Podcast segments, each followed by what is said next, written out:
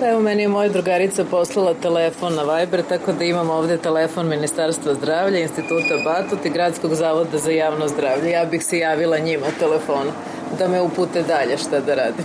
Jel mislite da ste dovoljno informisani o koronavirusu? Pa mislim da jesam. Čula sam da postoji varijanta da trebaš da se javiš određenom zavodu, ali tek juče su objavili brojeve telefona. A, jel mislite da ste dovoljno informisani o koronavirusu? Ne, ne. Kad ti neko kaže samo peri ruke, pa peremo ruke svaki dan, mislim, to je normalno. Kod svog lekara se zaštitite sebe i okolinu svoju. Da li ste čuli da su rekli da se pozove određeni broj telefona, a da se ne ide u dom zdravlja? Jes.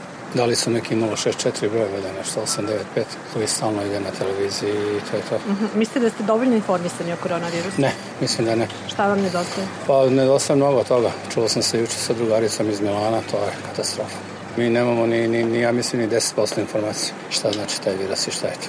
Naši političari to olako shvataju. da se javim na broj koji su objavili na televiziji, u svim novinama, malte ne. I onda posle uputstvo dobijamo od njih. Ono što još znam je da se nikako ne javljati u dom zdravlja, iz razloga što bismo mogli da prenesemo i drugima. Trebalo bismo malo voditi računa ne samo o sebi, nego i o drugima. To sam uočila i po gradskom prevozu i nemaju svi ljudi razvijenu tu kulturu da ne kašlju, da ne kišu, da se sklone u, u šal ili u maramicu. Ostavim da se prijavim u neku najbližu stanicu medicinsku da, da kaže da imam simptome. Jeste čuli da su objavili određene brojeve na koje treba da se javite, a da ne idete u dom zdravlja kod Pa svog vidio lekara? sam na internetu, znam za brojeve, Jel mislite da ste dovoljno informisani o koronavirusu? pa mislim da jesam, možda i previše.